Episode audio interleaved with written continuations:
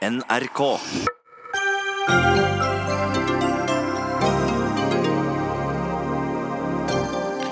Forskere konkluderte i 1981 at politiet i Bergen hadde banket opp folk daglig i en årrekke. I dag hevder forfattere i ny bok at det hele var en bløff. Svensk politi setter inn storoffensiv mot gjengvolden i Malmö, samtidig som danskene innfører grensekontroll mot Sverige. Palestinske lærebøker som får norsk økonomisk støtte, forherliger jihad. KrF vil stanse støtten, mens norsk palestiner sier det blir å straffe uskyldige palestinske barn. Og Språkrådet vil gjøre om Østerbø og Norevik til Austrebø og Nordvikane, men mot innbyggernes vilje.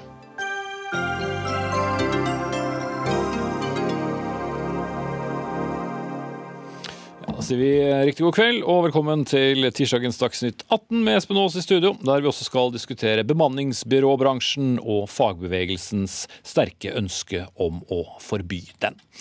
Men først skal vi eh, ta opp en sak som var svært mye omtalt for flere tiår siden. Det som ble kjent som politivoldssaken i Bergen på 1980-tallet. Og forfatterne bak en ny bok som kaller det hele Norges største forskningsskandale. Forskere hevdet nemlig at bergenspolitiet utsatte mennesker for vold rundt 360 ganger i året, men eh, forfatterne konkluderer med at forskningen var en bløff. Og Bjarne Kvam, du er eh, en av de tre forfatterne og har jobbet med boken i nå 30 eh, år. Hvordan kan dere være så skråsikre? Vi har jo gransket dette materialet lenge og undersøkt de forskjellige enkelthetene som forskerne her har påstått. Og vi har funnet en rekke usannheter. Det finnes også sannheter i dette materialet, men det er så mye usannheter som er innblandet i dette, at totaliteten det blir en svindel. Mm. Og bare for å, for å brakte på det rene, det dere sier er en bløff, var forskningen, men dere sier ikke at det ikke forekom vold i bergenspolitiet? Nei da, men det, det, er det ingen som benekter. Det, selv politiet sier jo det at på 60-tallet og kanskje 70-tallet og så videre, så var det mye røffe forhold i Bergenspolitiet, og det tror ikke noen egentlig er interessert i å benekte i det hele tatt. Men saken er det at vi har fått et syndrom i Bergen som vi kaller for politivoldssaken. Og den, Det syndromet det bygger på et kjempestort forskningsprosjekt på 12 000 sider som ble levert i 1981 av Nordhus og Edvard Vogt. Og det er det forskningsmaterialet vi angriper, og sier at dette rett og slett er en forskningssvindel. Mm. Advokat Frode Sulland, som student var du med på å gå grundig gjennom undersøkelsene til nevnte Fugt, altså Eivind Fugt og Gunnar Nordhus, og etter å ha sett på pressekonferansen i dag, hvordan stiller du deg til det som da hevdes å være Norges største forskningsskandale? Nei, Jeg spilte jo en uh, ganske liten rolle i dette den gangen. Men uh, både da og nå så støtter jeg fullt opp om de konklusjonene som uh, granskingsutvalget med professor Anders Brattholm og høyesterettsadvokat Hans Demmer Nilsen kom til. Og det var jo at det bildet som ble tegnet av politivolden i Bergen, det kunne vi bekrefte også etter våre egne undersøkelser. Og dermed så gikk det jo 20 år vel, omtrent, fram til uh, denne debatten ble avsluttet med bumerangsak i 98 og erstatningsoppgjør til forskerne uh, kort etter. Og da er det ganske overraskende at man nå ønsker å åpne opp igjen dette, og tro at man så å si setter punktum, som de sa på pressekonferansen, ved å gjenoppta mange gamle feider som de fleste har gjort seg ferdig med. Ja, Blir det noe punktum av dette, Kvam? Vi tror det blir punktum, ja. Det gjør vi. Fordi at det, det er produsert utrolig store mengder tekst om politivoldssaker, der Brattholm-kommisjonens rapport var liksom det første, i tillegg til selve denne forskningsrapporten på 12 000 sider. Men det har egentlig aldri blitt skrevet en bok eller laget en sammenfatning som går forskningen skikkelig kritisk etter i sømmene. Så dette er den første gang at det blir tatt et skikkelig oppgjør i en bok med dette materialet. Og vi har jo stilt sammen da kilder fra ca. 50 år og masse dokumenter, vitner osv. som vi bygger på. Der vi viser at den ene usannheten har etterfulgt den andre. Men Hva skulle motivet være for å fabrikkere så mange svar i, over så mange sider? Det er et kjempegodt spørsmål, og vi har ikke noe svar på det. Vi syns at politivoldssaken egentlig er et mysterium. og vi vet ikke hvorfor de gjorde det, og hvorfor de holdt på så lenge med dette, og hvorfor de var så påståelige. Vi har litt hypoteser og sånn, men, men, det som er bottom line i dette, er at vi kan bevise alle usannhetene, og det er nok til å stemple forskningsmateriale som en svindel. Og så får det være rett og slett mange mange ubesvarte spørsmål knyttet til resten. Mm. Sulland, svindel? Det er jo et ganske kraftfullt begrep, og jeg reagerer jo mot uh, særlig den uh, inkluderingen man gjør av professor Anders Brattholms uh, svært kraftfulle og intensive innsats for å avdekke et alvorlig samfunnsproblem. Ehm, det enkle svaret på hvorfor man drev med dette, var jo fordi man ønsket å avdekke politivolden. Og etter min oppfatning så er det jo det som står igjen etter eh, alle disse årene, at politivold var et stort problem i Bergen.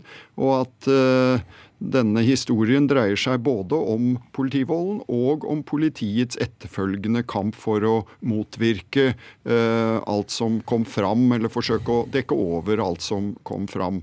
Og om det var svakheter her eller der, om det var eh, intervjuundersøkelser eller andre forhold rundt denne eh, primære undersøkelsen, så endrer ikke det totalbildet av denne historien. Og det er det som står fast etter eh, så mange år. Eh, Bjarne Kvam, eh, det har jo kommet generasjoner etterpå som ikke kjenner politivoldssaken så grundig som bl.a. du gjør, som dekket den først som, som journalist. Ja, i, nesten ikke dekket den saken i det hele tatt. Ok, men i hvert fall gått dypt inn i den nå og, og, og, sett på den. Hvorfor er denne saken så viktig, og hvorfor mener du den er så stor?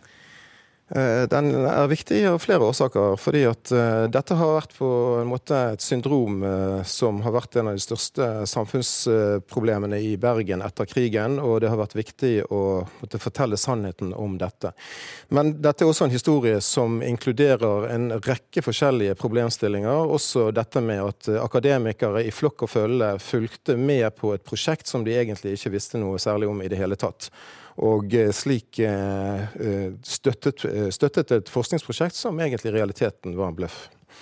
Mm.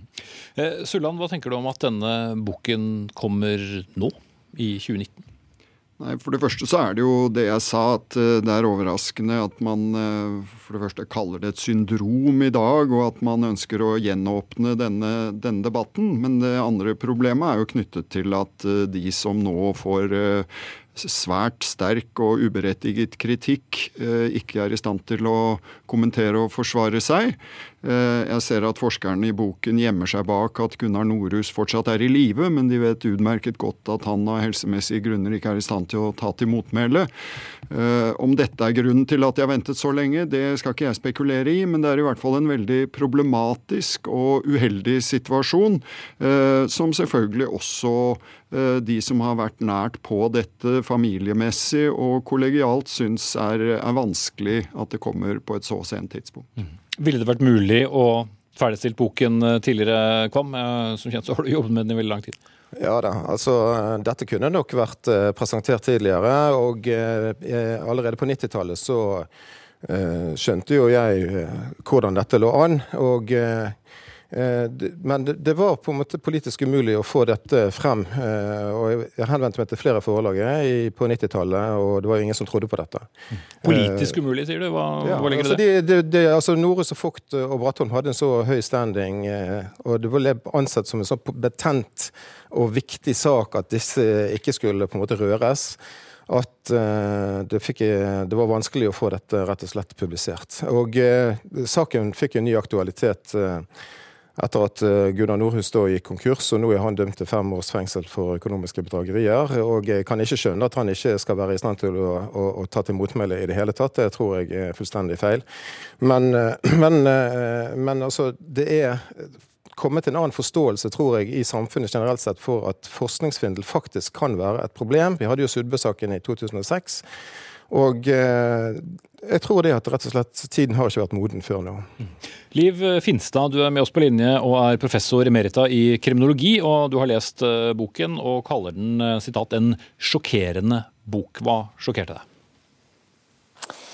Ja, jeg skulle jo ønske at dette bare var en velskrevet røverroman, men det er den dessverre ikke. Og uh, utgangspunktet for uh, for uh, politivoldskomplekset i Bergen. Eh, den såkalte forskningen den er beheftet med langt mer enn bare noen svakheter.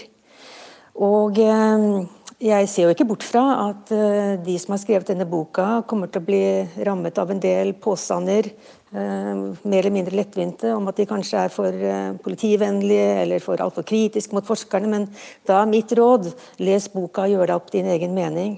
Og det er den meningen jeg har sitert med på omslaget, at det er en sjokkerende bok. Jeg har aldri lest maken til ettergåelse av et påstått empirisk materiale, og at dette er sprengstoff for akademia, politiet og offentligheten. Mm. Vi har jo forsøkt å få flere til å kommentere boken i dag, eh, bl.a. som enten dekket saken eller på annen måte hadde med den å gjøre, men veldig mange takker nei.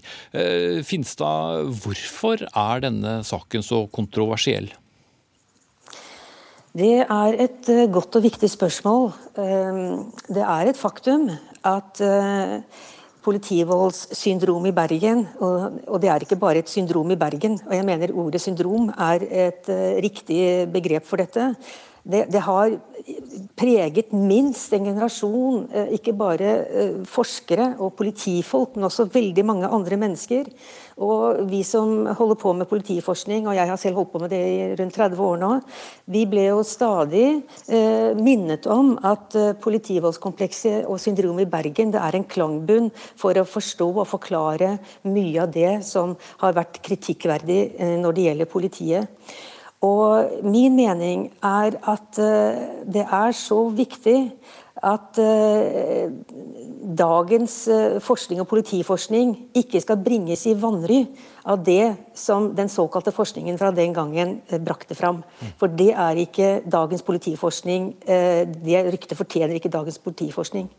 Men ville det påvirket også, det, da? Etter, ja. altså, det er jo 38 år siden den rapporten ble levert inn. Har det noe å si at vi får vite det som vi får gjennom denne boken?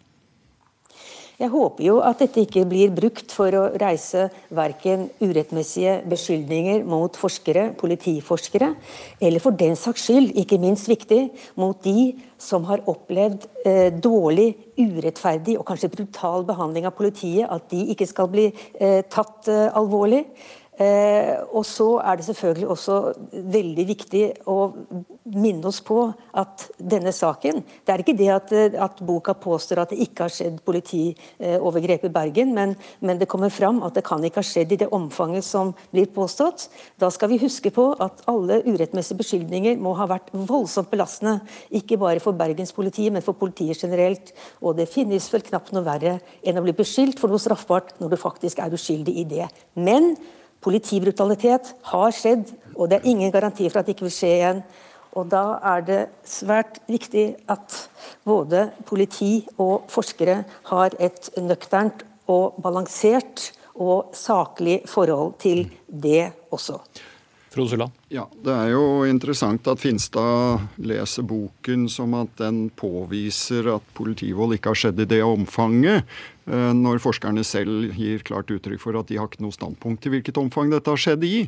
og at de ikke og Da mener du forskerne som i de som har skrevet boken, og ikke ja, beklager, de opprinnelige forskerne? Det var uh, kanskje en forsnakkelse, ja. Uh, journalistene, kanskje jeg heller burde si, de forfatterne nå som har utgitt bok, de sier jo veldig klart at de har ikke noe standpunkt til omfanget av politivold.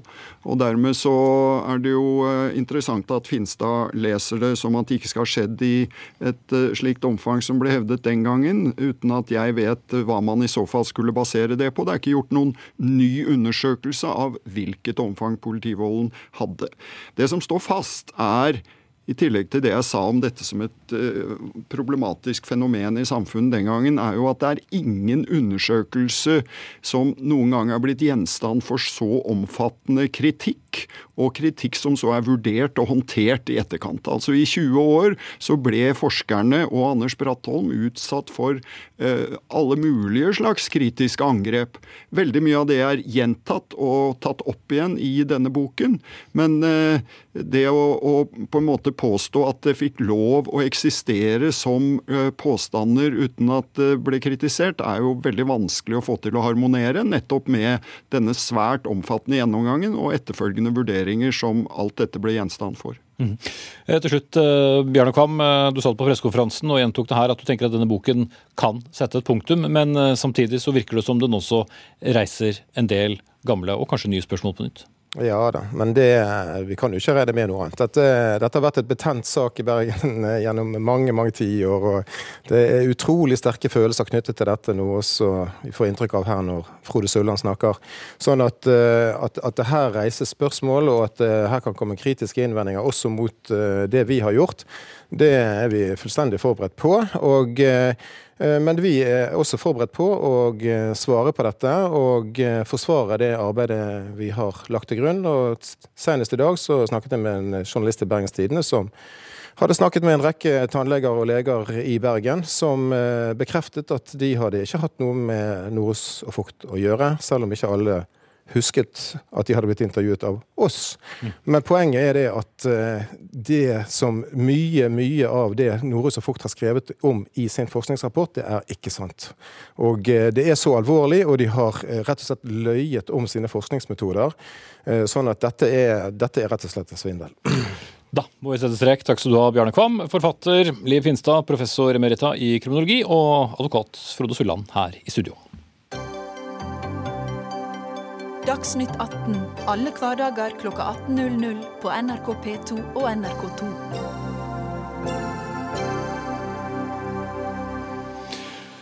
Da skal vi eh, vende blikket østover, vi, og til den eh, svenske byen Malmö, som eh, herjes av skyteepisoder, bomber og angrep. Lørdag ble som kjent en 15-åring drept, og en jevnaldrende kamerat havnet på sykehus med livstruende skader etter et gjengangrep. I går ble en gutt under 18 år skutt og skadet, og politiet i Malmö får nå hjelp fra kolleger fra andre steder i Sverige, mens Danmark innførte kontroll på grensen fra Malmö og over broen til København.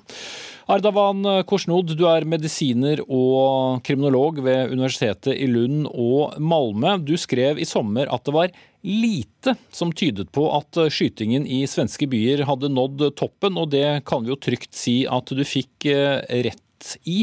Hvordan har det blitt slik? Eh, Hvorfor det har blitt på det settet er lite besværlig å svare på ur et akademisk synvinkel da vi ikke har noen studier. Men om vi skal spekulere på dette, så handler det nok om et antall olika faktorer.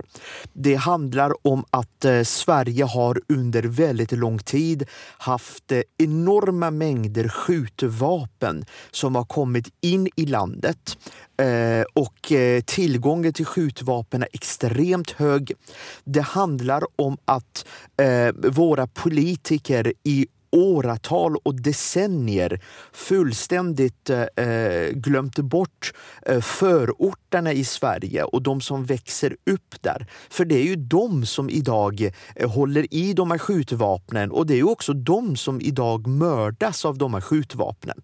Så det handler om en eh, svensk naivitet hos beslutsfattare og politiker samtidig som vi har god tilgang til skjutvapen. Mm. Så her har det blitt eh, sviktet i så godt som alle ledd, eh, høres ut som på deg?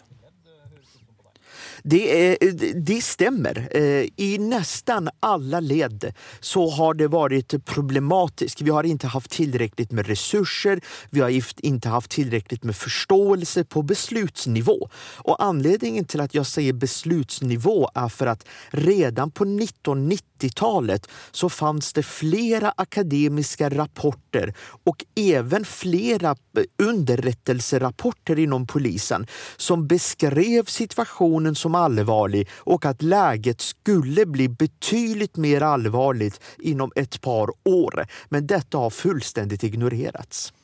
Vi har vært i kontakt med politiet i Malmö, ikke fått noe svar på vår henvendelse dit, men til media har politiet sagt at de mener helgens sprengning og skyteepisoder skyldtes kamp om cannabismarkedet i byen.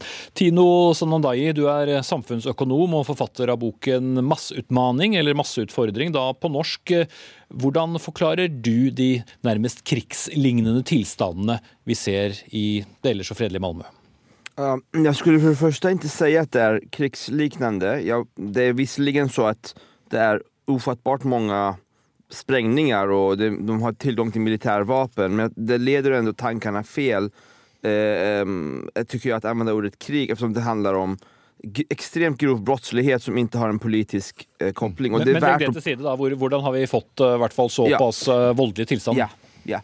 Det, jeg skulle si at Förklaringen är ganska enkel. Orsaken är invandring. Och man kan säga att människor säger att man ska inte förenkla och man vill inte ha enkla förklaringar. Men det är också så att ofta är ju den, såna, den riktiga förklaringen enkla. Det är ju Ockhams rakblad.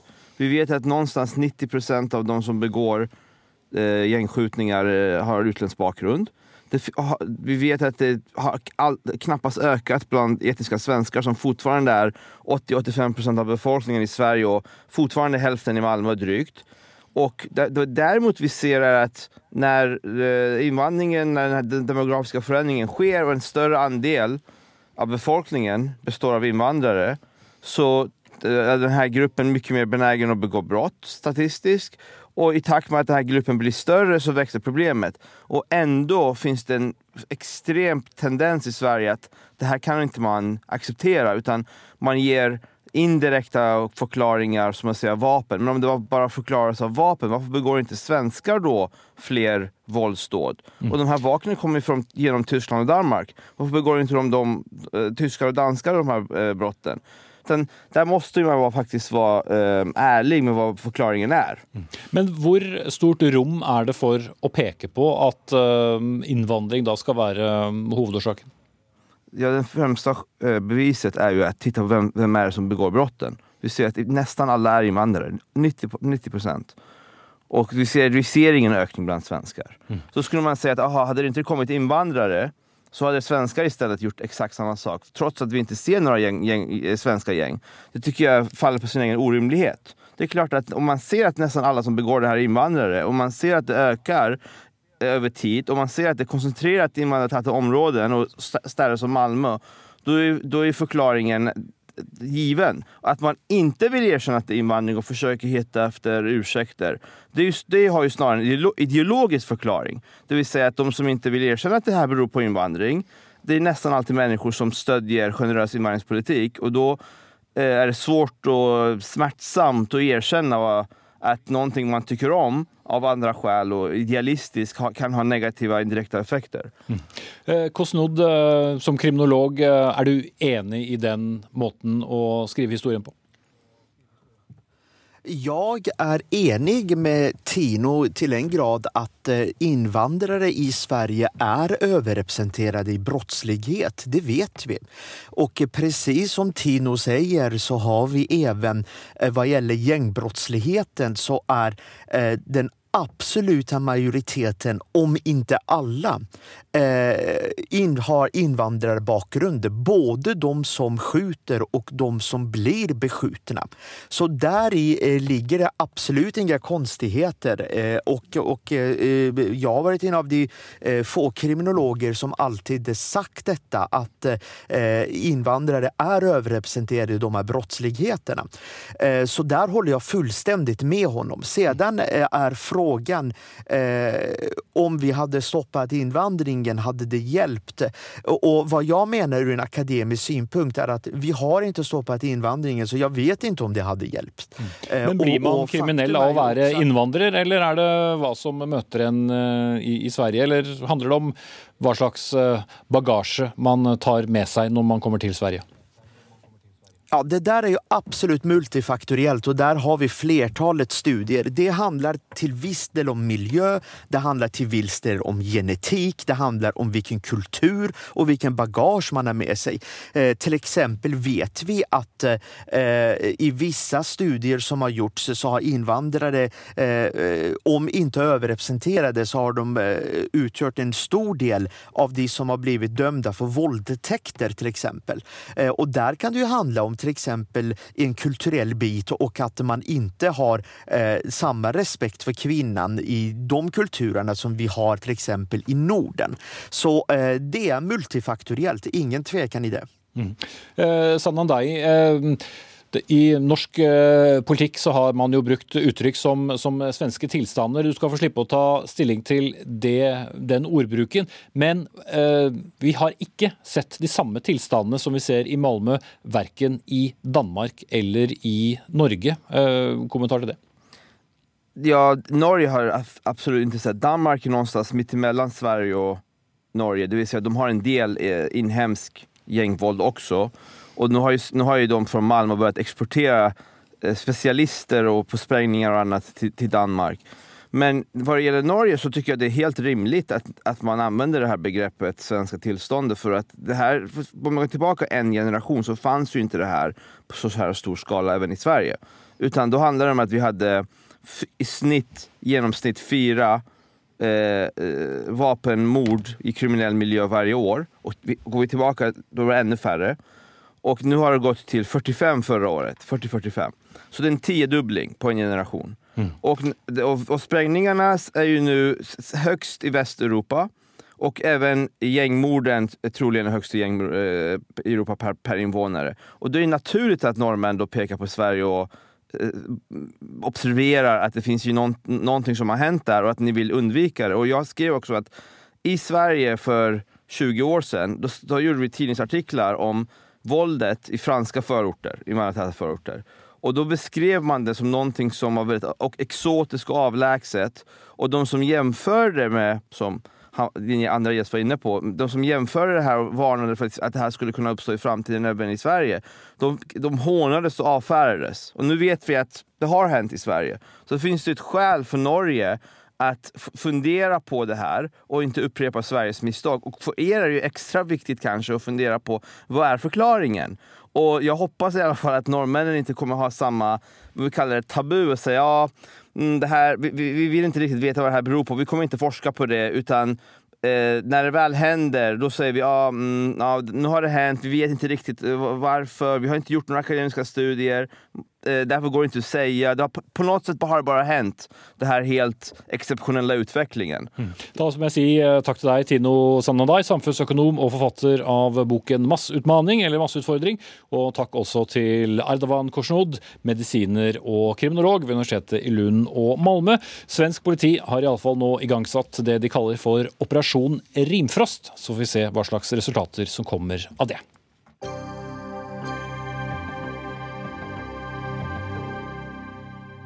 Palestinske lærebøker som ikke forteller at staten Israel finnes. Senere i Dagsnytt 18 skal vi debattere hvorvidt den norske støtten til slike bøker bør fortsette.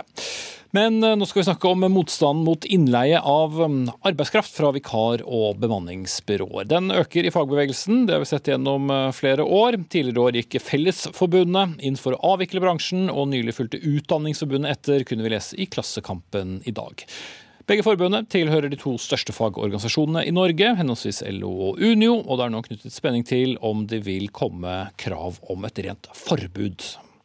Lill Sverresdatter Larsen, du er forbudsleder i Norsk Sykepleierforbund, som da hører inn under um, Unio. Skal man bare kunne forby det fagbevegelsen ikke liker?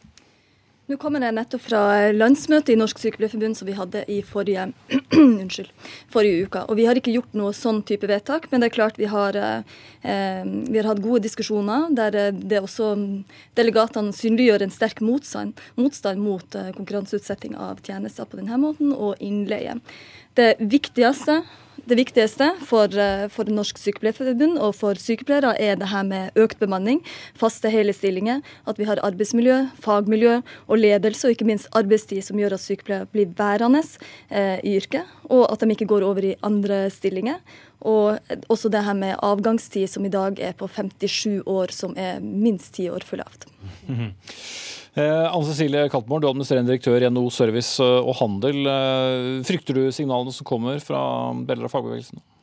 Nei, altså eh, Det som jeg hører eh, egentlig at NSF eh, sier her det, Norsk Sykepleierforbund. Ja. Norsk Sykepleierforbund.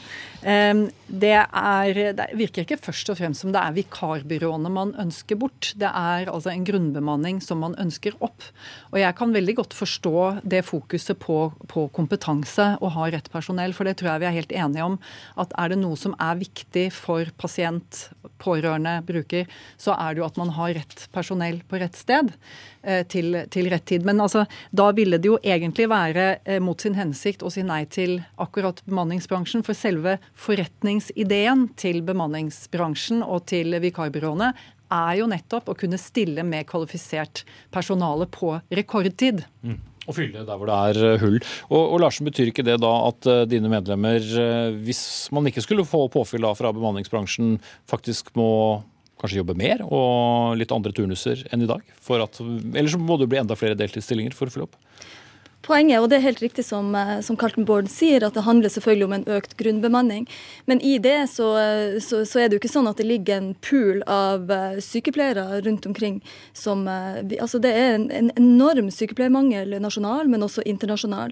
Så vår mening er at bemanningsbyråene bidrar Altså det er, et, det er både dyrere det er langt, langt dyrere. Det er um, Vikarbyråene, det er dårligere tjenester knytta til det, og det er også kortsiktige løsninger. Vi oppfatter det som en type brannslokking av, um, av uh, det som faktisk er situasjonen og realitetene i helsetjenestene i dag. Og igjen, da er det tilbake til det med faste, hele stillinger og et uh, arbeidsmiljø. Hvor skal du hente alle sykepleierne fra da? Vi er jo nødt til å utdanne flere, det er jo én ting. Men, men, poenget er at igjen, deltidsproblematikken i dag eh, Hvis vi hadde gitt alle sykepleierne i dag hele stillinger, så ville vi faktisk eh, løse en hel del av det. I tillegg, som jeg begynte med å si, 57 år, avgangsalder det betyr noen ting. Altså, Sykepleie er et tøft yrke på mange vis. Eh, arbeidsmiljø og eh, arbeidstid er med på, og ledelse, eller eventuelt manglende ledelse, eh, gjør det langt tøffere. Mm. Kaltmorgen, eh, hvordan skulle dere taklet det da fra arbeidsgiversiden? Nei, altså, jeg, jeg forstår jo veldig godt eh, det som Seierstater sier her, og at både avgangsalder og deltidskultur er et kjempeproblem. Men du løser jo ikke det ved å forby den seriøse og gode bemanningsbransjen som over lang tid har stilt stilt kvalifisert personell til disposisjon. Nettopp sånn at folk kan sende barna sine i barnehage hvis det er sykdom der, eller eh, at institusjoner kan holde åpent selv om det er eh, sykdom. Og jeg, jeg syns særlig at eh, vi skal huske på den ene rapporten som NOVA skrev for et par år tilbake, som viste resultatene av underbemanning, hvor de sier at det er kun i én av fire situasjoner hvis en sykepleier må være borte fra jobb, at vedkommende blir erstattet med en kvalifisert sykepleier. Og Det er jo ekstremt alvorlig for kvalitet i behandling. Det tror jeg man er helt enig om. Så eh, de tingene som du peker på nå, det forstår jeg er veldig store frustrasjoner, men man løser jo på ingen måte det ved å peke på vikarbyråene som per i dag eh, stiller opp og tar ansvar, og som også gjør at vi kan ha veldig høy arbeidsdeltakelse også blant kvinner. Men da må man også kunne ta både ferie og permisjon. Mm. Men eh, er det ikke også et poeng at mange sykepleiere heller ikke ønsker å jobbe 100% enten fordi det er et slitsomt eh, yrke, eller man ønsker mer tid eh, hjemme. så Sånn sett vil det være vanskelig å, å, fylle opp da hvis folk har behov for å jobbe enten 80% eller 60 I all hovedsak er det en myte. Er det det? Eh, ja. Vi er nødt til å faktisk tilby eh, kompetente, utdanna eh, sykepleiere fulle stillinger, først og fremst. Eh, det er klart, Får du en 4% eller en 15% eller en 25% stilling, hvem andre med en bachelorgrad ville ha eh, takka ja til det? Og Det betyr at de da på, på vegne av stillinga, og eventuelt måtte gå gjennom eh, på, jobbe på flere ulike plasser, og den lønna som per i dag fortsatt ikke er anstendig, har betydning for at de blir værende i yrket, at, de, at de ikke går over til andre arbeidsplasser, som f.eks. vi har eksempler på som har gått over til Vy eller lignende. Mm. Det er de som kjører tog, forresten. Eh, Kaltenborn, eh, hva eh, tror du denne veldig misnøyen med bemanningsbyråene egentlig stammer fra? Jeg tror det er stor misnøye og stor eh, bekymring og frustrasjon knyttet til flere av de tingene som har vært innom her. Det er veldig høyt sykefravær, særlig på, på, i barnehage og, og, i eh, kommunal helsetjeneste er det til dels det. Så det forstår jeg er veldig alvorlige eh, bekymringer. Men det er klart at det, noen ganger så blander man sammen spørsmål knytta til deltid og midlertidige stillinger med innleie. Altså Innleie av stillinger er veldig veldig strengt regulert i Norge. Det får du bare lov til å gjøre i visse situasjoner. Og Hvis du ser på årsverkene i helsetjenesten i Norge i dag, så er det 1 eh, som innleiebyråene står for. Mm, men er det forbundet som blander dette sammen? Det er annet, eh, forbundet, men det, det, er man ikke alene om. Jeg ser at media ofte gjør det også. Eh, man, man tenker at eh, når man har et problem knytta til midlertidighet og til deltidsstillinger, så kommer man til å løse det hvis man forbyr bemanningsbransjen. Men det er jo veldig mye som tyder på at det er nettopp de som er i stand til å løse det. Eh, så jeg mener at det er, eh, det er, feil eh, medisin. Og man bør kanskje være litt forsiktig også med hva man ønsker seg. Fordi at man kan peke på en løsning og kanskje få med seg noen på å tenke at det gir en løsning, mens det faktisk ikke gjør situasjonen bedre. Og bemanningsbyråene klarer ofte å rekruttere sykepleiere og annen fagpersonell som kanskje ikke har lyst til å jobbe fulltid akkurat nå, eller som ikke ønsker turnus akkurat nå, og som er i en spesiell livssituasjon. Og det, det at man klarer å rekruttere denne restarbeidsevnen, det er jo veldig positivt for alle. Hvis du klarer å svare veldig kort, så får du siste ord, Larsen. Ja, det er noen ting med at Hvor er det du skal trekke dem fra? Vi kan ikke nødvendigvis trekke dem fra andre land. Det vil være uetisk. Det er sykepleiermangel overalt. Og eh, vi er opptatt av at det tryggeste for pasienten på alle mulige vis er en eh, fast ansatt i heltidsstillingen. Mm -hmm. Klarte det. Lill Sverresdatter Larsen, forbundsleder i Norsk Sykepleierforbund, takk skal du ha, og Ann Cecilie Kaltenborn, administrerende direktør i NHO Service og Handel.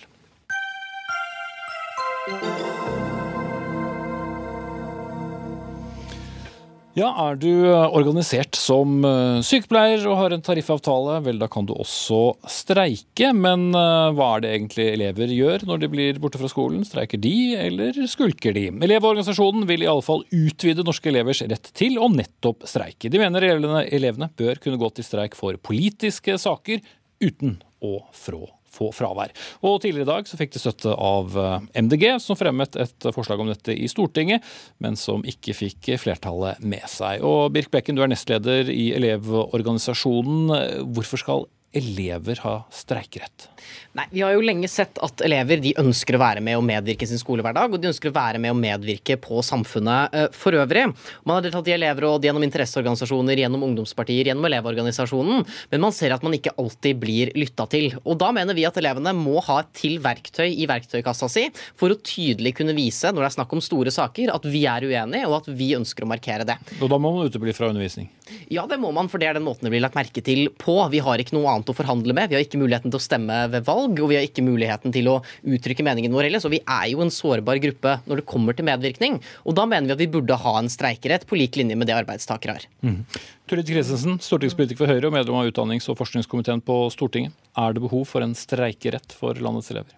Nei, det mener jeg ikke at det er. Og jeg er heller ikke helt enig i den beskrivelsen at man ikke blir lyttet til eller ikke når frem. Eh, som utdanningspolitiker så har jeg jo et veldig godt samarbeid med bl.a. Eh, Elevorganisasjonen og andre organisasjoner. Eh, vi har åpne høringer, vi har møter utenom. Så vi lytter absolutt til. Men det er klart det har vært ganske både interessant og lærerikt å, å se det engasjementet som har vært ikke minst mot klimasaken. Både fra folk flest, men også fra ungdommene. Men jeg mener ikke at det er riktig å innføre en politisk streikerett for eh, elever, fordi det medfører nettopp at de uteblir fra undervisningen. Mm. Og, og Birk Brekke, Det er ikke en fallitterklæring mot den organisasjonen du selv er med på å lede? Poenget med Elevorganisasjonen er vel at dere skal tale elevenes sak, og ikke at de skal uh, måtte gå ut av undervisningen? Absolutt, og vi kommer til å fortsette å samarbeide godt med både Turid og resten av regjeringsapparatet. Men det viktige her det går jo på prinsippet om når skal man få lov til å si at nok er nok. Og absolutt, vi har rett til undervisning, og det er dumt å utebli fra undervisning. Og det er jo nettopp det som er pressmiddelet med å gå ut i en politisk streik når man er på skolen. Det er at vi sier at retten til utdanning, som vi har kjempa oss til, den velger vi nå å avstå fra fordi at politikerne ikke lytter til oss i saker vi mener er så store og såpass viktige. Om det så er klimasaken, om det er fraværsgrensa, eller om det er enorme budsjettkutt som vi ser ute i fylkene nå.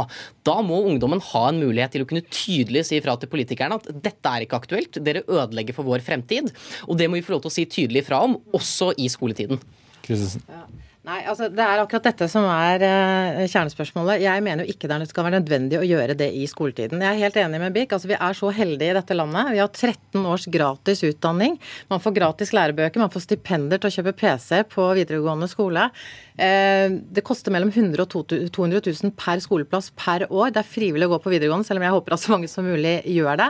Og det vi krever til gjengjeld, det er faktisk at elevene deltar i undervisningen. Vi har massiv satsing på gode lærere for å få gitt god undervisning, men selv verdens beste lærer kan ikke undervise en elev som ikke er der. Og jeg tror at det aller beste dere elevene kan gjøre for å være med på å sørge for at vi når fram og får gjort noe med klimautfordringene, det er nettopp å være til stede på skolen, lære seg ting, få kunnskap og benytte den kunnskapen til å være med og finne de løsningene som vi trenger. Og det mener jeg at man ikke får når man ikke er på skolen. Det sa vel eh, din statsminister Brønt om en eh, kjent svenske også. Eh, men hva mener du når elever da velger å stå f.eks. For foran Stortinget eller et annet sted fremfor å være på skolen. Er det klimaskulk eller klimastreik? Det er jo en form for klimastreik. Jeg kaller det ikke skulk. Eh, jeg syns det er bra at man streiker, men igjen, jeg syns ikke at man behøver å gjøre det i skoletiden. Altså Skoleelevene i dag har veldig mye fri fra skolen. Det er lange ferier, det er planleggingsdager, og vi på Stortinget vi sitter i hvert fall og jobber til ganske langt utover ettermiddagen hver eneste dag. Eh, sånn at vi ville ha sett dere og hørt dere. Så det å være borte fra undervisningen og gå glipp av undervisningen, det mener jeg er helt unødvendig. Du sier fra når du er ferdig med leksene, Blekken? ja, og det har jo vært en litt rar tone i denne debatten her, for det har vært en litt sånn nedlatende holdning mot det ungdomsengasjementet her. At man har vært litt sånn at ungdommen nærmest bare vil streike på måfå. Men vi glemmer jo helt at ungdommen allerede engasjerer seg masse etter skoletid. Og man mobiliserer så mye man kan utenfor skoletiden. Det gjør våre tillitsvalgte, det gjør hele det politiske Ungdoms-Norge. Men det vi jo ser, er at man fortsatt ikke når helt fram i store prinsipielle diskusjoner i norsk skole. Og da ønsker man å få sagt tydelig fra, og da velger vi å bruke det ene middelet vi har igjen, nemlig vår rett til utdanning. Vi har ikke noe annet pressmiddel å bruke i den dialogen. fordi at situasjonen sånn som den er i dag, er at politikerne fortsatt bare kan si nei og tvinger oss tilbake på skolebenken. Men det elevene vil, er å kunne si tydelig fra om at selv om dere vil ha oss på skolen, og vi gjerne også vi møter på skolen, det er tross alt vår rett, så må vi fortsatt ha muligheten til å si ifra om at dette er uaktuelt. Og vi i Elevorganisasjonen vil gjerne gå inn som en seriøs part. Vi vil ha en hovedavtale for elevene som streikeretten er en del av, så vi er med og styrer på dette her. Så man har en hånd på rattet. Vi er en seriøs aktør, det har du jo også sagt. og da har vi også kontroll på at streikene de blir seriøse og gode. Og selv om du som eh, voksen stortingspolitiker opplever at elevene blir hørt, så er jo ikke det det samme som at de føler det?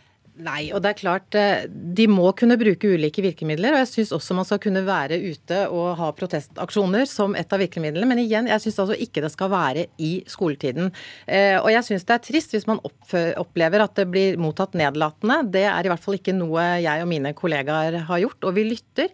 Men så er det jo sånn at eh, det er jo ikke alltid man får gjennomslag for sine ting. Vi har veldig mange interessegrupper bl.a. Som, som vil påvirke. Så vi tar dere seriøst. Uh, og dere har en masse rettigheter med medvirkning. Jeg er litt usikker på det hovedavtalen du nevnte nå, men altså, vi har opplæringsloven som sikrer medvirkning til skoleelevene, som sikrer et godt skolemiljø, som sikrer elevrådsengasjement, og at man skal være, ha muligheten for å, å jobbe. Det var vel en hovedavtale som i så fall ville gitt dere streikerett, men det var ikke så mange stortingsrepresentanter som eh, stemte for dette eh, i dag, da, Blekk? Nei, dessverre så er det jo det. Og vi må jo huske på at engasjement på fritiden også er ikke nødvendigvis eh, så lett, og at engasjement det skal man få lov til å drive med hele dagen. Og det er jo også sånn at Du nevner jo medvirkningen som skal foregå på skolen om elevdemokratiet. og det vi vet i dag er at Det er utrolig sårbart. Det er nesten fullstendig avhengig av goodwill fra skoleledelse og fra rektorer. Og Det er jo ikke sånn medvirkning skal fungere. og Det vi som elever ber om, er at vi skal få det samme som i arbeidslivet. Muligheten til å si at her er vi såpass uenige med dere at her er vi nødt til å markere det på en måte som blir lagt merke til. på en Men stor måte. Men inntil videre så har du fått eh, mange tomler ned for det fra Stortinget i dag. Takk skal du ha, Birk Blekken, nestleder i i Elevorganisasjonen. Takk til Turid Christensen, stortingspolitiker fra Høyre og medlem av utdannings- og forskningskomiteen på Stortinget. Hør Dagsnytt 18 når du vil. Radio NRK Radio.nrk.no.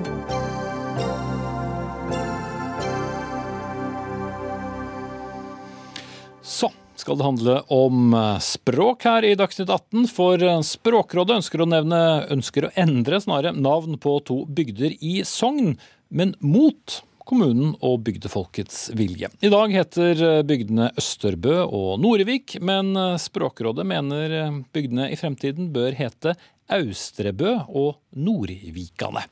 Og Daniel Ims, du er seksjonssjef i Språkrådet, med oss på linje fra Tønsberg. Hvorfor er det så viktig å endre navn på, på disse to bygdene?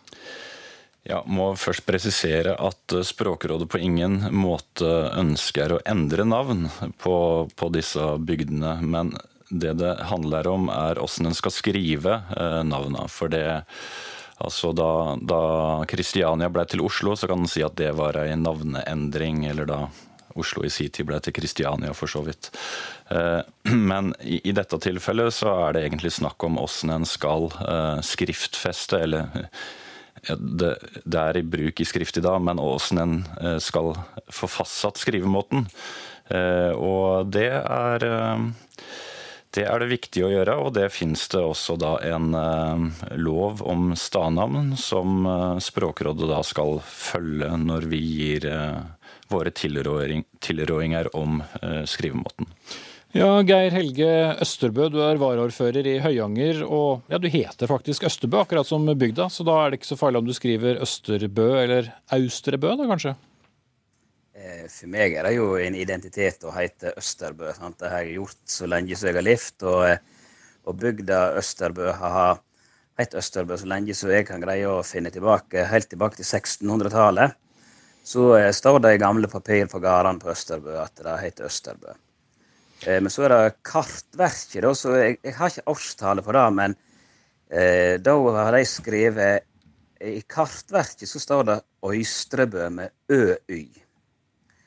Og Det har jo vært litt misvisende, for alle andre navn, navnplasseringer eh, på plassen her, det er jo Østerbø. Og Det er jo det som er bakgrunnen for denne saka kommer opp, egentlig. At nå når kommunen skulle til med, med adresse, så ønsket jo vi at da skulle det jo hete Østerbø her som vi bor.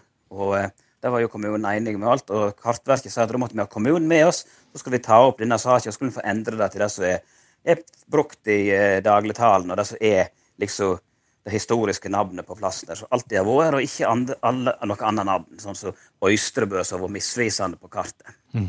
Men uh, er det en navneendring, eller er det ikke navneendring, sånn som du ser det som varaordfører? Eh, jeg føler jo det er jo en stor endring hvis du skal til å kalle det for Østrebø, for det er jo et navn som vi aldri har brukt. og det blir jo det, det er jo, men det er helt sikkert rett, sånn som Språkrådet og reglene er der, at de at det er sånn at du, når, du skal, når, du bor i et nynorsk distrikt, så skal det hete øst og ikke øst. Men eh, da blir det jo litt feil, føler jeg, at han skal gjøre det med, med Østerbø her. når han I Aurland, som òg er et nynorsk eh, distrikt, der heter det jo Østerbø og Østerbø fjellstove. Da må vi være konsekvente og gå inn og ta alle sånne endringer. Så det er noe Dette er litt sånn eh, kinkig, syns jeg, og litt for oss iallfall ganske uforståelig at vi skal bli pålagt et navn som aldri har vært brukt her, som ingen eh, føler er rett å bruke. Og kommune, alt, all, all, kommunikasjon alt som er i dag, det blir brukt Østerbø. Både om Østerbø her på Østerbø som jeg bor, og på Østerbø i Ikefjorden. Og Nordvik på Nordvikan. De har brukt ja. Nordvik. og Det er sånn som det var i alle dager. Så, jeg tror, jeg, tror du har fått understreket lov og regler er sånn, men Jeg tror du understreket det poenget nå, um, Østerbø. Og så får jeg holde tungen rett i munnen på Austerbø, Østerbø her. Eh, Daniel eh, Ims, eh, er det så viktig hvis de alle er vant til Østerbø? Har det noe å si? Noe av formålet med loven er jo å ta vare på stedsnavn som språklige kulturminner. Altså vil si at en skal ta utgangspunkt i, eh, i den lokale uttalen, og så gi det ei eh, skriftform som er praktisk, som det heter i, i loven, og som ikke skygger for meningsinnholdet. Eh, og det, det, betyr jo da i praksis at en skal se på dialektuttalen og prøve å følge rettskrivingsprinsipp som kan passe med det. Eh, når det gjelder de to navnene her, så eh, omtalte jo også Østerbø eh, da det ene navnet som Nordvikane. Og, og, og det, det, har vi for så vidt fått bekrefta at det er det er levende uttaleform eh, fortsatt, eh, og, mener jo da at altså etter prinsippene i loven, så er det da eh, den måten en skal bruke også når en skriver det. Mm. Selv om det er lokal motstand? Ja. Eh, det vil si det, er, det er, eh, Lovverk er jo ofte eh, resultat av kompromiss, sånn at det er visse åpninger i lovverket for å gjøre unntak. Si at gjort er gjort og spist er spist, hvis det har vært en enerådende bruk av ei viss form. da. Når det gjelder det ja, ene tilfellet her, som da vel lokalt er uttalt Ysterbø, i hvert fall tradisjonelt, og som vi har hørt fortsatt er i, i bruk. Eh, så, så, har det, som eh, Østerbø nevner, altså vært uh, ulike, måter, uh, ulike, måter, å skrive det på i offentlig bruk, sjøl om Østerbø har vært uh, dominerende. Så finner vi på kart både Ysterebø, Øst, Østerbø og denne Øysterbø som eh, Østerbø viser til. Og så er det jo et ja, det kort. inn med ei tredje, da, Østrebø, som aldri har vært skrevet noen plass. Det, blir jo litt feil, da. Eh, ja, det, det, er Her har jo kommunen tydelig ikke ønska å ha ei form som da er i, i samsvar med den som, som, er direkte i samsvar med den lokale uttalen. Da. Eh, og, og det, det, er vel eh, det er noe av det eh, som har vært grunnen for at jeg må bare bytte av der, Ims, fordi tiden går veldig fort. Jeg vil bare ha et så kort svar du klarer. Østerbø, hva har dere tenkt å gjøre for å motvirke en eventuell overgang til Austrebø? Nei, det så Nå er han som har saken for kommunen, Algjelsvik, han har prøvd å få til et møte med språkrådet i Bergen, sånn som jeg tolker han. Der har både ordfører og rådmann og jeg sagt at vi vil være med. Og så må vi prøve å ta diskusjonen da, slik at vi kan eh, fortsatt få hete både Nordvik og Østerbø, sånn som vi gjør i dag. Og, så, og det er jo det som han fra Språkrådet her sier, at det er viktig å ivareta de, de navnene som han har. Og jeg føler at han gjør jo ikke det når han nå vil lage et helt nytt navn. Så er det, så er det litt motsigende, det som han sier her. Så det, den, eh, den må vi greie å avklare med de i Bergen i, rundt 21. november. Da var vi ramma et møte der. Så må vi få på plass dette, og så må vi bli ferdig. Vi har jo drevet med dette i tre år nå, og vi har fortsatt ikke fått adresse ennå pga. dette. Vi får se hvordan det går. Takk skal du ha, Geir Helge Østerbø. Eh, stadig fra Østerbø, men kanskje i fremtiden fra Austerbø. Og takk til Daniel Ims, seksjonssjef i Språkrådet.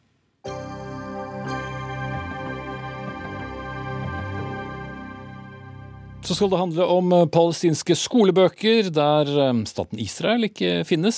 Bøker som forherliger og fremmer jihad eller hellig krig, som vi kunne lese om i Aftenposten i dag. EU anbefaler å holde tilbake økonomisk støtte til palestinske utdanningsmyndigheter, mens Norge øker sin støtte til 55 millioner kroner. Men Geir Toskedal, stortingsrepresentant for Kristelig Folkeparti, dere mener at pengene bør holdes eh, igjen. Ja, det er klart vi har jo respekt for at palestinske myndigheter lager sine egne lærebøker. Så vi har ikke tenkt å legge opp bort i det. Men med interesse har vi fått sett på hva disse bøkene inneholder. Eh, jeg var på et møte og fikk møte denne organisasjonen og, og, de som har undersøkt bøker i hele Midtøsten. Og jeg vil jo si det var ganske skremmende og, og for så vidt sjokkerende å se hva det nye læreverket for palestinske barn eh, inneholder. Der en skal summere martyrer, en, en bruker begreper og illustrasjoner og bilder som er skremmende. Og som du nevnte, viktige historiske ting. Og alt som går på fredsarbeid, forsoning og fred, det synes utelatt. Og det kan vi heller ikke legge oss borti, men så lenge vi skal være med og betale, så må vi ha noe å si. Og I den forbindelse så vurderer vi, siden Norge leder jo giverlands eh, eh, så har vi jo en anledning til å si hva vi mener. For vi ønsker jo at, skal, at disse barna skal bli oppdratt til et håp, til fred, til forsoning, og lære å kjenne de eh, naboer og på en måte fremelske det som vi ønsker mest av alt, nemlig fred i Midtøsten og forsoning og forståelse for naboen. Mm. Du tilhører også Israels venner på Stortinget, så bare nevne det. Line Kateb, ja. du er norsk-palestiner og tidligere leder av Palestina-komiteen. Er dette lærebøker som palestinske barn bør lese? Får de et riktig bilde av historien? Dette er jo lærebøker som er skrevet av myndigheter som overhodet ikke befinner seg i fred, eller som er likestilt med Israel, som er okkuperer de. Dette er lærebøker som er tydelig preget av nettopp det at de vokser opp under okkupasjon, med krig og med stadige angrep og terrorisering. Så lærebøkene er jo i seg sjøl ikke gode. Jeg er ikke tilhenger av en sånn type eh, pedagogikk, men man kan ikke se på disse uten å ta inn over seg konteksten de er laget i. Og de reflekterer jo strengt tatt også hverdagen til palestinske barn. Mens vi sitter her, så blir Gaza bombet. I dag er fem mennesker drept i Gaza. I 2018 så var det to ganger i uken at undervisningen La oss ikke ta hele den delen, da, men la oss holde oss til ja. skillet mellom pedagogikk og kanskje det noen vil mene da er eh, propaganda? Ja, og propaganda fins i krigstider. Det mm. fins i Israel. altså I israelske lærebøker så blir heller ikke Palestina nevnt. Der står det Judea og Samaria for Vestbredden. Min familie, Jeg har familie som er en del av den palestinske minoriteten inne i Israel. De lærer ikke om sin egen historie. De lærer ikke om Palestina. Så det er klart at på begge, altså både israelere og palestinere finner vi dehumanisering. Vi finner at man ikke eh, snakker om den andre på en måte som den andre ville likt. Men er det ikke da en god idé å prøve å påvirke slik at man eh, tegner et mer objektivt bilde av virkeligheten? F.eks. med å, å, si at vi vil ikke støtte bøker som uh, ikke gjengir virkelighet. Hva altså, virkelighet måtte hvis, være i denne konflikten? Hvis det, det, er sånn at bekymringen hovedsakelig gjelder palestinske barn og deres forutsetninger for å tenke fred og forsoning, så er lærebøkene et veldig lite del av problemet her. Man skal snakke om de, men jeg syns ikke at å kutte støtten til utdanningsmyndighetene i Palestina er rette veien å gå. Da er det barna som vil lide. Vi må se på heller forutsetningene de har for å lære. Hvilke forutsetninger har du for å lære når skolene blir stengt eller undervisningen blir avbrutt, som i fjor var da to ganger i uken pga. angrep fra israelske soldater. Ok, da. Nå er det slik at eh, ja, lærebøker skal gjenspeile det samfunnet de lever i. Men en skal ikke utelate historiske fakta om fredsprosesser som har pågått, om konflikten, om motparten sitt syn, og fremelske ja, en forståelse og skape et håp hos barn. Har jo, jeg har jo vært lærer, og vi har jo jobba med Det er jo det som er vår eh, fokus. Og her er det utelatt. slik at for meg fremstår lærebøkene som ren indoktrinering og propaganda og Det som er det skremmende, er at dette er gjennomgående fra første til avsluttende klasse. Læreverket er nylig avslutta, og lærerne har ikke alternativ pensum. Dette er det obligatoriske, og det er utvikla likt for Gaza og for Vestbredden, altså både Fatah og Hamas står bak. Det er en kraftig radikalisering av det de har stått for før. Og Det er jo det som skremmer her nå. Og som sagt, de må fylle lærebøkene med relevant stoff. Det må de, og det har de ansvar for. Men hvorvidt Norge skal være med å finansiere denne typen hatretorikk og bruk av propaganda Jeg husker jo fra min barndom i klasserommet ja, Det kort for bare to minutter igjen, Ja, det var bilde av, av eh, kongen og, og, og Bjørko i Molde og kronprinsen og kong Haakon som kom tilbake til Norge. Altså, Det skaper håp, og det skapte engasjement.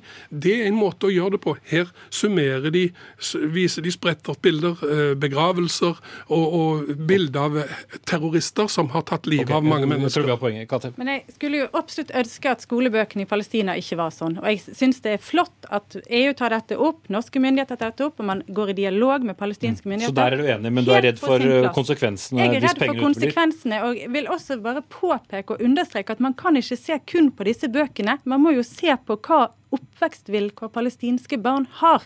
Og det er ikke palestinske myndigheter som har hovedansvar for, det er den israelske okkupasjonen. Men blir det bedre av å lære dem de Absolutt tingene som er beskrevet? Og, det, dette, og så vil jeg også bare be Toskedal si vi kan kritisere palestinske myndigheter, og det vil jeg på samme måte at dere ser på israelske myndigheter, hvor palestinere fullstendig blir eh, utelatt av historiefortellingen, de blir dehumanisert, de blir fremstilt som karakteristikker på dumme, onde mennesker. Så man har jo et forvridd menneske menneskesyn her som både gjelder i Israel, og som også i palestinere får. Og Problemet er jo at de ikke møtes. De får ikke arenaer økt kunnskap om virkeligheten på begge sider. Du kan ikke sammenligne lærebøkene den typen som vi nå har sett og innkjøpt i Ramallah. Det gjenspeiler et samfunnssyn som vi ikke kan være med å støtte. Det er min klare mening, og det vil vi se på. For dialog har pågått i 25 år uten at det ser ut for å nytte. Det har gått feil vei, og da må vi vurdere i samarbeid med andre giverland hvorvidt vi skal være med å finansiere dette. Mm. Og kunnskap har i hvert fall historisk sett vist visst at uh, det kan i hvert fall få oss uh, en, en, riktig vei, men da må det kanskje skje på, på begge sider, som, som begge du sider. påpeker. Men jeg skjønner at du har lyst til å si noe mer nå, men nå er det bare et halvt minutt igjen, så jeg skal si takk til Line Kateb, norsk palestiner og tidligere leder av Palestina-komiteen, og Geir Toskedal, stortingsrepresentant for Kristelig Folkeparti og medlem av Israels venner på Stortinget. Dag Dørum hadde ansvaret for sendingen, det tekniske ansvaret hadde Eli Kyrkjebø. Jeg heter Espen Aas. I morgen møter du Sigrid Lise Solund i denne programlederstol. Takk for i kveld.